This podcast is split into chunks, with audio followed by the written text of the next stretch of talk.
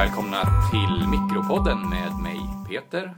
Och mig Jakob. Idag tänkte jag prata om eh, skäms-tv. Okej. Kollar du på, på någon skäms-tv? Jag kollar på Gift vid första ögonkastet när det går. Mm? Så du förstår vad jag menar med, med skäms-tv? Om det är tv som man skäms när man ser så Mm. har jag förstått vad det handlar Det är om. ungefär grunden i det hela. Det började med att jag kollade på Idol. Jag har kollat på några avsnitt nu i år i alla fall. Och eh, jag har reagerat på en sak. Jag har liksom kommit att tänka på reglerna för antika grekiska dramer. As när jag, när jag har kollat på mina skämsprogram, som man gör. Och eh, det första jag kom att tänka på Idol var att det är så himla fokuserat på det dramaturgiska. Eh, det man vill se, eller det jag vill se när jag kollar på Idol, det är folk som är duktiga på att sjunga. Jag vill se vad de får för omdömen, hur det låter när de sjunger, jag vill att de ska få tv-tid. Men istället, vad får jag se? Jag får se folk som går runt och tar kaffe på stan. Jag får lyssna på massa idioter med en rolig hatt som står och spexar. Jag får se en jurymedlem äta kaka. Medan vissa gånger så sveps det förbi i ett sånt här montage, tio stycken som verkar jätteduktiga, men det får man liksom inte se någonting av. Och då känner jag liksom att det dramaturgiska, alltså hur, hur det här programmet är uppbyggt rent strukturellt, det har blivit så viktigt så att de har struntat i att skildra det som verkligen händer i programmet. Det vill säga de som är där och sjunger. Ja. Ett exempel kan vara liksom en speaker-replik som återkommer under, det är den här audition-turnén som har varit nu. Ja. Och då, de har ju en, de har ju samma uppbyggnad alltihopa. Det börjar med att ja, de presenterar juryn, sen ska några komma in och sjunga och så går det alltid dåligt i början. Alla som kommer in i början, de är så dåliga. Och så kommer det in någon som är duktig och då säger speakerrösten Och nu började det äntligen lossna! Men kan det vara så att eh, eftersom man får ju göra en sorts för-audition innan man går in, att de vet att de 15 första kommer att vara dåliga? Ja, kanske. Eller så har de bara klippt det så här. Ja, så kan det vara också. Men är det, är det meningen att jag som tittare ska tro att bara för att någon har gått in och varit duktig så blir alla andra som står efter i kön skitbra på att sjunga och bara går in totalt från Enligt att vara... devisen att den som ställer sig först i kön är sällan bra. Man ska vara nummer 20, eller? Ja, kanske. Ja, då, då kanske det är det man ska satsa på om man ska vara med i Idol. Mitt nästa exempel, gud, nu är det som att det är ett avsnitt av Spanarna här. Ja, fortsätt. Ja. Eh, Lyxfällan, Mm. annan av mina Jag har ju laster. tyvärr inte kanalerna för att se Ja, Lyxfällan okej. där. Och eh, även Paradise Hotel har jag tittat på när jag bodde på annan adress då jag kunde se det. Men sen ett år tillbaka så kan jag varken se Lyxfällan då eller Paradise Hotel. Går se på nätet. Okej. Mm. Om man är så sugen. Kanske där skon klämmer. Eh, och Lyxfällan är ett program med en otroligt eh, stark inneboende dramaturgi. Alltså, alla program har uppbyggnad. Det kommer en början, sen får de skäll, sen är det deppigt, sen acceptera situationen, sen blir det någon sorts botgöring och sen blir det succé. Och den här dramaturgin får aldrig rubbas. Alla program är exakt likadana. Och det spelar liksom ingen roll vad innehållet är, vad de här personerna har gjort. Det, det är liksom alltid, den här dramaturgiska kurvan följs alltid. Den följs alltid. Har du sett eh, Du är vad du äter? Ja, det är ett annat exempel För på där samma är det ju sak. också en tydlig dramaturgi att det alltid någonstans, då ska de ju under åtta veckor äta nyttigt och röra på sig. Och sen under vecka fyra så ska de ha en kris. Mm. Och den känns ibland lite konstruerad.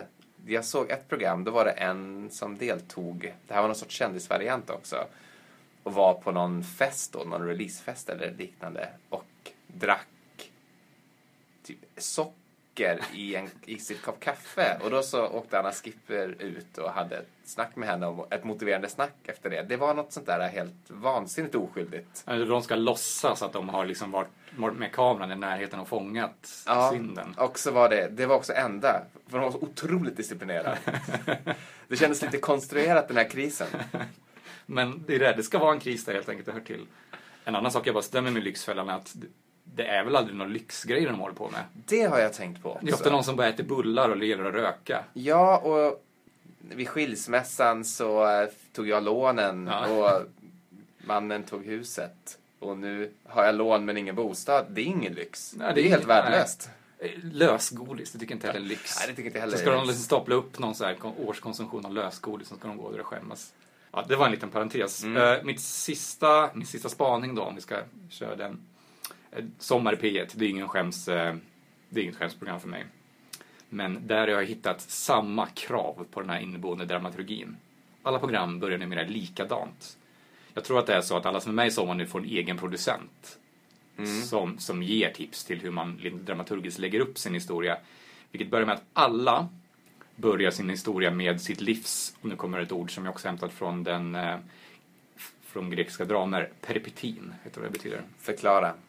Alltså en peripeti är en plötslig förändring, en vändpunkt som betecknar en avgörande, alltså ett avgörande skede i ett antikt drama.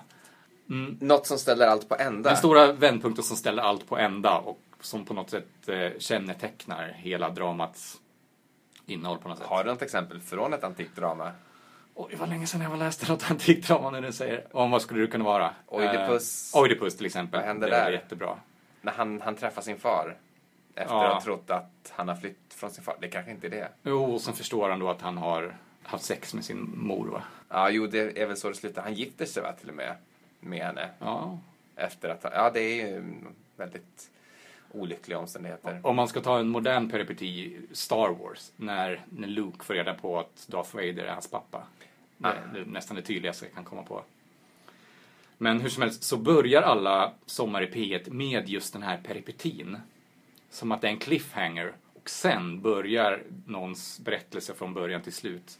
Så det kan vara så här, jag stod på planen och skulle skjuta straffen. 50 000 ögon var på mig. Jag steg fram, svettades och sköt. Mm. Så börjar ditt typiska P1-program. Och, men det är ju sällan så här en riktig människas liv att man har en peripeti.